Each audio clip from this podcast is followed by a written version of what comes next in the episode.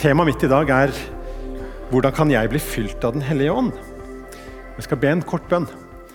Men jeg tenkte på det, det er ganske ufattelig egentlig at vi som, vi som nå har satt av tid til å være på Guds tjeneste, skal få lov til å komme inn i hans nærvær, som er evig. At vi som er begrensa av våre kropper At jeg er begrensa av litt dårligere syn enn i fjor, så jeg må ha briller. Vi er begrensa våre kropper. Vi skal få lov til å søke hans nærhet, som er ånd. Og ikke minst det at vi som er syndere, skal kunne få lov til å invitere Han til å fylle oss, som er Den hellige ånd. Jeg ber en kort bønn. God himmelske Far. Takk at du sendte Jesus. Takk at du sendte din ånd.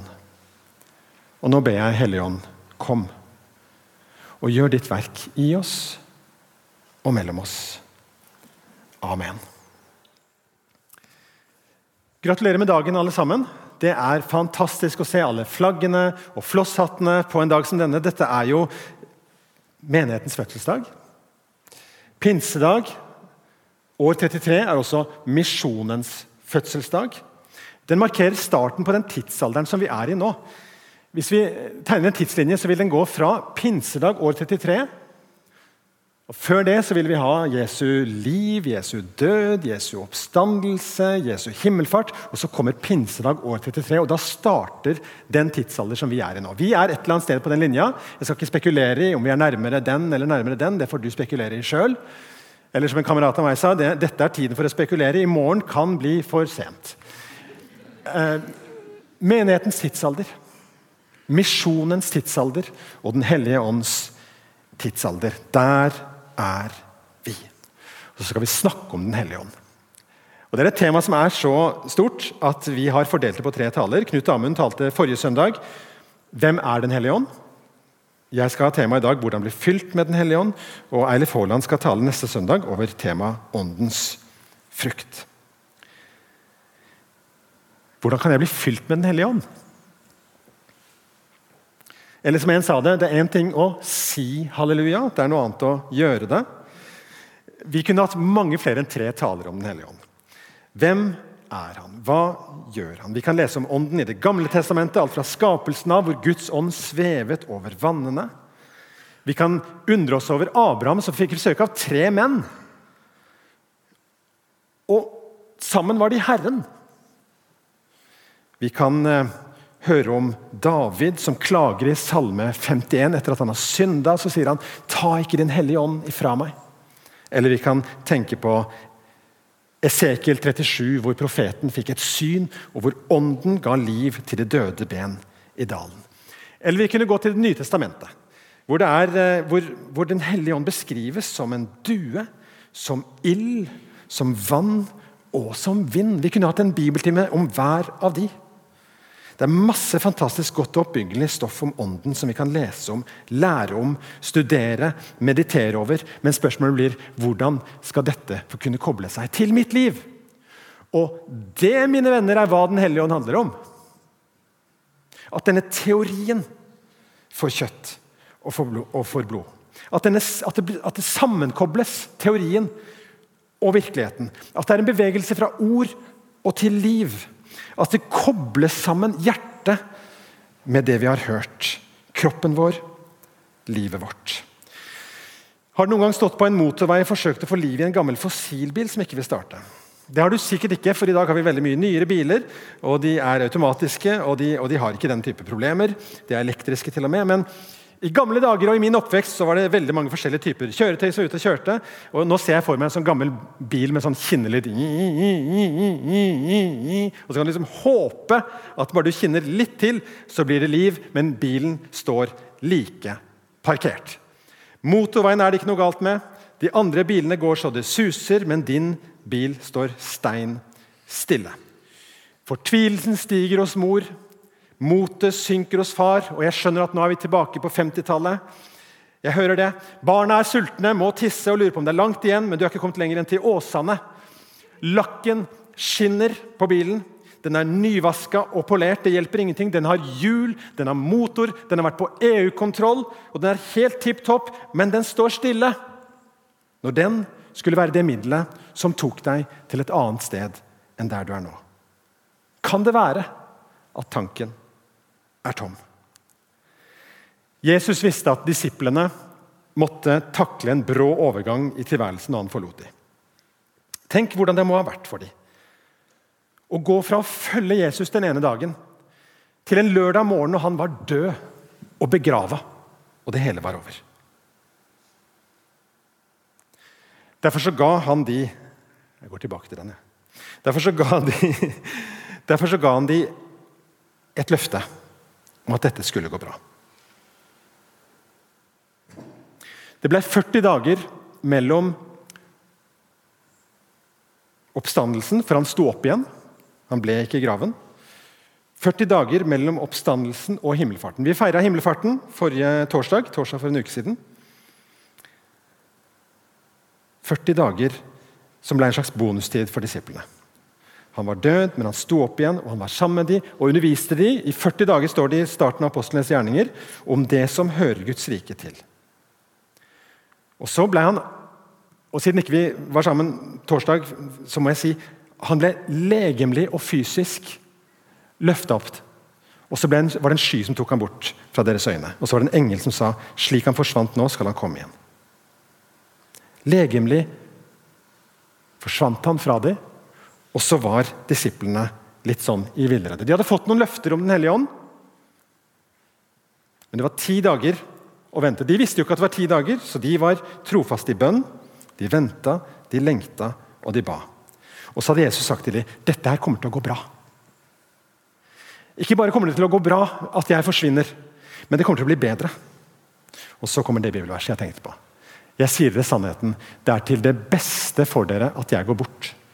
For Dersom jeg ikke går bort, kommer ikke talsmannen til dere. Men går jeg bort, kan jeg sende ham til dere. Og Litt tidligere i samme tale så sa han og jeg vil be min far og han skal gi dere en annen talsmann som skal være hos dere for alltid. Sannhetens ånd som verden ikke kan ta imot. For verden ser ham ikke og kjenner ham ikke, men dere kjenner ham. For han blir hos dere, skal være i dere. Jeg lar dere ikke bli igjen som foreldreløse barn. Jeg kommer til dere. Snart ser ikke verden meg lenger, himmelfarten, men dere skal se meg. For jeg lever, og dere skal leve. Jeg lever, og dere skal leve. Dere skal se meg. Jeg kommer til dere, sier han når han snakker om Den hellige ånd. Dere kjenner ham. Han blir hos dere, skal være i dere. En annen talsmann som skal være hos dere for alltid. Det kommer til å gå bra. Det kommer til å bli bedre. Alt dette er Den hellige ånd. Og så er det sånn at Den kristne tro den fungerer i livet sånn som det egentlig er. Hadde den kristne tro bare vært en filosofi, så hadde den dødd den stille død når forfølgelsen kom på det verste. Hadde den bare vært en teori, så hadde den ikke tiltrukket seg millioner av mennesker verden over dag for dag og i stadig økende grad. Den kristne tro er troen på Jesus, ikke bare tro på en mann som levde og døde for 2000 år siden. Det er troen på en som overvant døden, og som lever i dag, og som sitter ved Faderens høyre hånd, og som har sendt oss troende sin hellige ånd. Og Den hellige ånd er ikke bare noe vi kan ha teori om, han er også en som kan fylle oss. Det skal vi snakke om i dag. På Menighetsviken for eh, et eh, lite år siden, i september i fjor, så hadde vi besøk av Ole Petter Livden fra Åpne dører. Og eh, Han sa det på en fin måte når han underviste om Den hellige ånd, for det var tema. Han sa å bli fylt med Den hellige ånd er å bli fylt med Guds kjærlighet. Og For meg så var det litt sånn Ja, det løste det litt. Altså. Det, er, det, er, litt sånn mystisk, dette med Den hellige ånd. En person som skal fylle oss. og Vi skjønner det ikke helt, og det er vanskelig for det til å gå opp i tanken.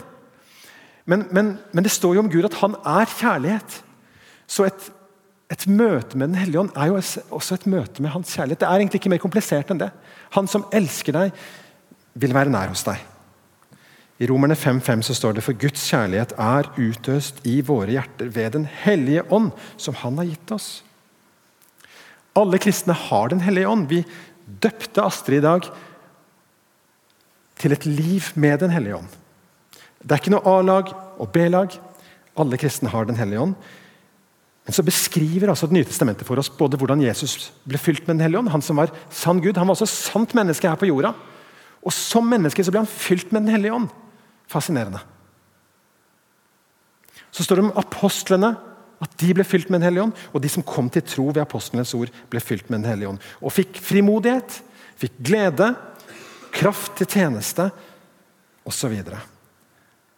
I Efesos så forteller Paulus i starten av hvor, hvor bra kristne de er. Han, han, snakker om hvor hellige de er.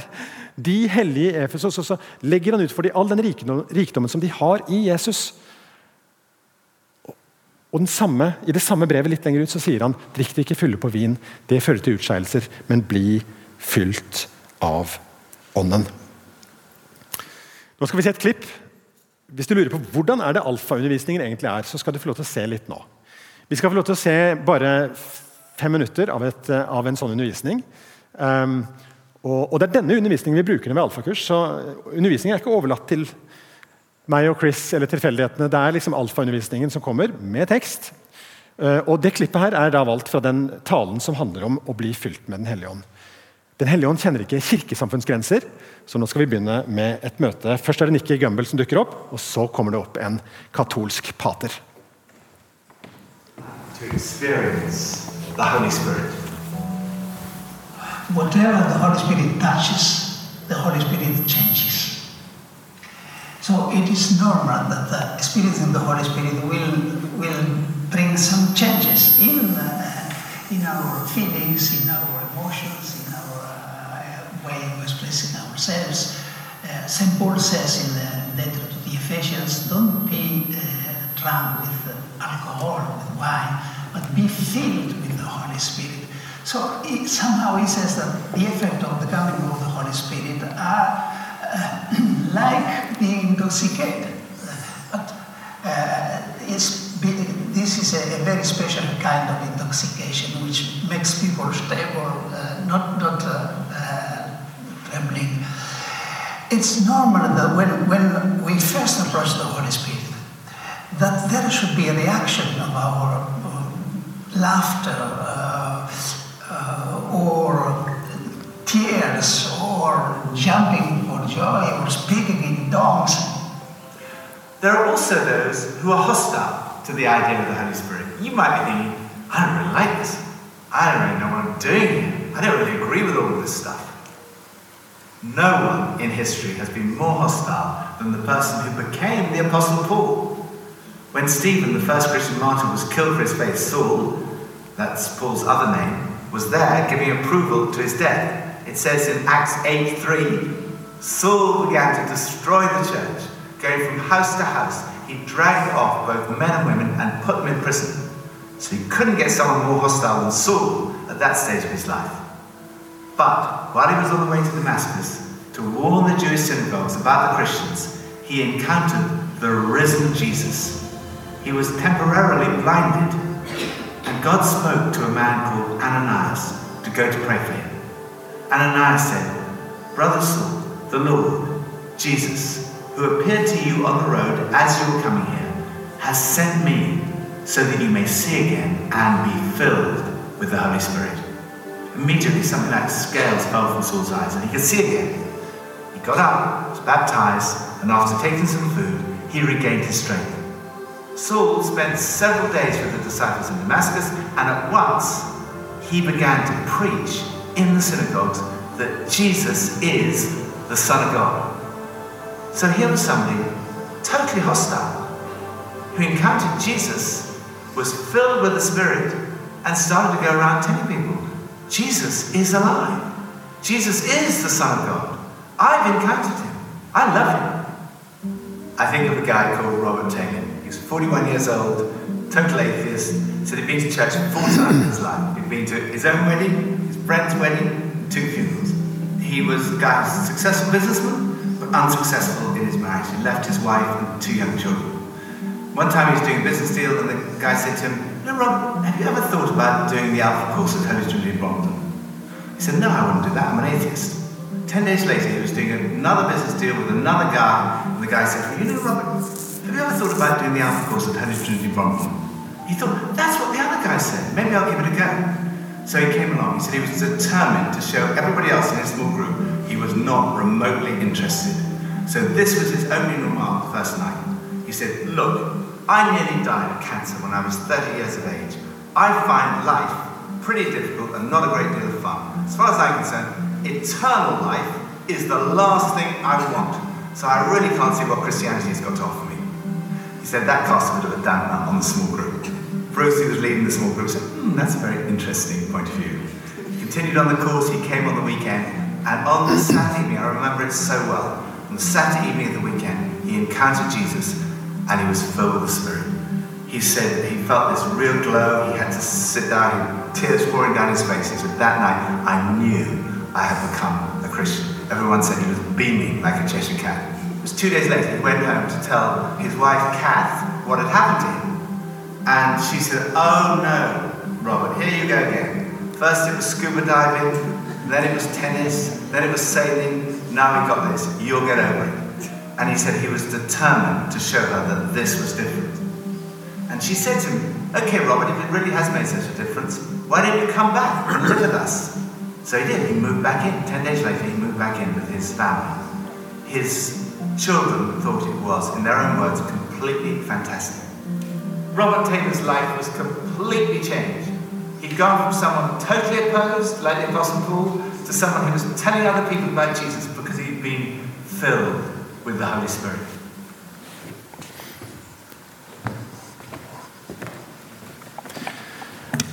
Hvordan kan jeg bli fylt med Den hellige ånd?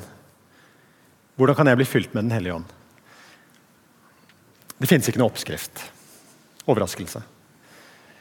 Hvis vi nå hadde delt oss inn i små grupper og, og fortalt om våre erfaringer i vandringen med Jesus, så, jeg, så, er jeg ganske sikker på at noe av det du da hadde delt, at vi kunne sagt det der var Den hellige ånd. Det der var når du ble, Da ble du fylt med Den hellige ånd. Noen opplever en varme. Noen opplever tungetale. Noen opplever en prikking i hendene. En tyngde som de holder, som liksom ikke er der, men som er der likevel. Noen opplever det som, et, som, et, som en glede, en boblende glede. Da ble disiplene fylt med glede og Den hellige ånd, står det et sted. For noen så kommer tårer. Snakka med ei i denne menigheten som fortalte om en fornyelsesperiode hun hadde hatt i sitt liv. Det begynte liksom med at Hun tenkte at jeg må kutte ut all den musikken som jeg egentlig hører på, så setter jeg på lovsang, for jeg vil være i Guds nærhet. jeg trenger det. Og så kjente hun bare hvordan dette fylte henne sånn at det ble tårer. Det ble tårer, det ble tårer. det ble tårer. Hun hadde noen, noen venninner som hun kunne dele det med, og de var i fellesskap om dette her, og hadde en fornyelse sammen. Akkurat som om, om Gud ville rense ut noe som bare måtte flyte gjennom kroppen hennes med tårer. Vi er ulike, og jeg tror Den hellige ånd har tusen kjærlighetsspråk. Vi har ulike mottaksapparat for den kjærligheten som er fra Gud. Derfor så reagerer vi forskjellig. Og noen er, som jeg, intellektuelle tørrpinner. og eh, Det blir ikke så mye action, og sånn er det. Det betyr jo ikke at ikke vi ikke kan bli fylt med Den hellige ånd. Andre er mer følelsesmennesker. Og mange er følelsesmennesker når de er på Brann stadion. Der er det lov å ta det ut liksom, kulturelt. Og så er det kanskje ikke like lov på en gudstjeneste. Men hvorfor det? Hvis gleden bobler, så rop. Jeg tror det å bli fylt med Den hellige ånd kan være en kollektiv opplevelse. Noen ganger så kjenner vi det i hele rommet. Vi kjenner en atmosfære av det. Kanskje i lovsangen.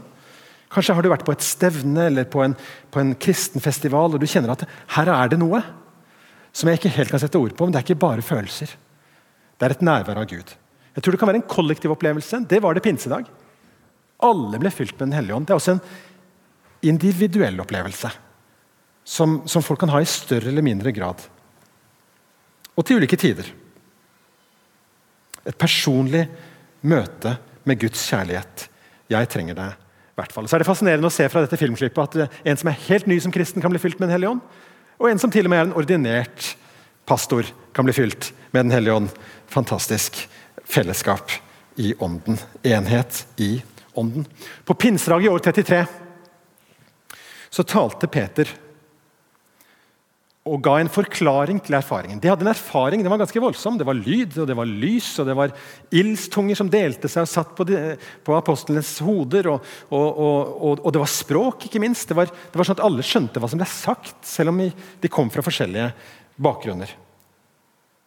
Og Da holder Peter en tale, og den er ganske interessant. og På denne første pinsedag har jeg lyst til å oppfordre til å finne fram den talen i Apostlenes gjerninger kapittel 2. Jeg skal ikke nå lese den, for da tror dere at jeg skal begynne talen nå. jeg skal avslutte den.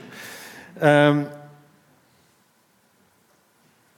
men det Peter sier da, når dette her kaoset på en måte slippes løs på pinsedag, sier han, og folk tror at noen er fulle, så sier han nei, nei, nei, nei ingen her er fulle.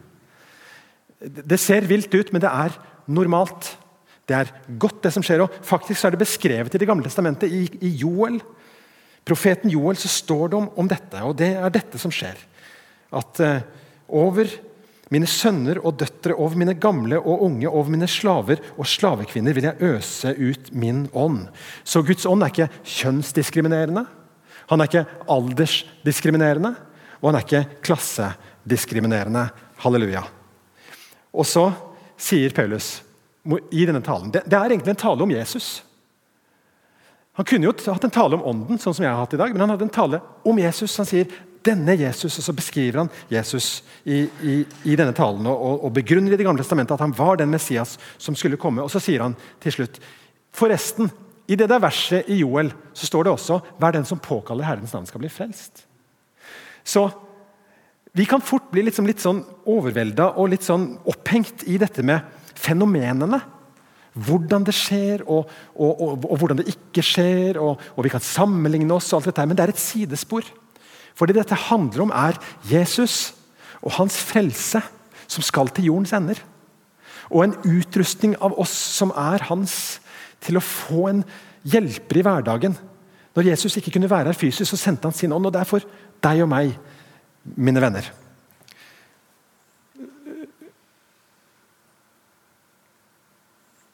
Det først. Denne Jesus, han, han, beskriver i denne talen denne Jesus har Gud reist opp. Oppstandelsen. Det er vi alle vitner om. Han ble opphøyd til Guds høyre hånd.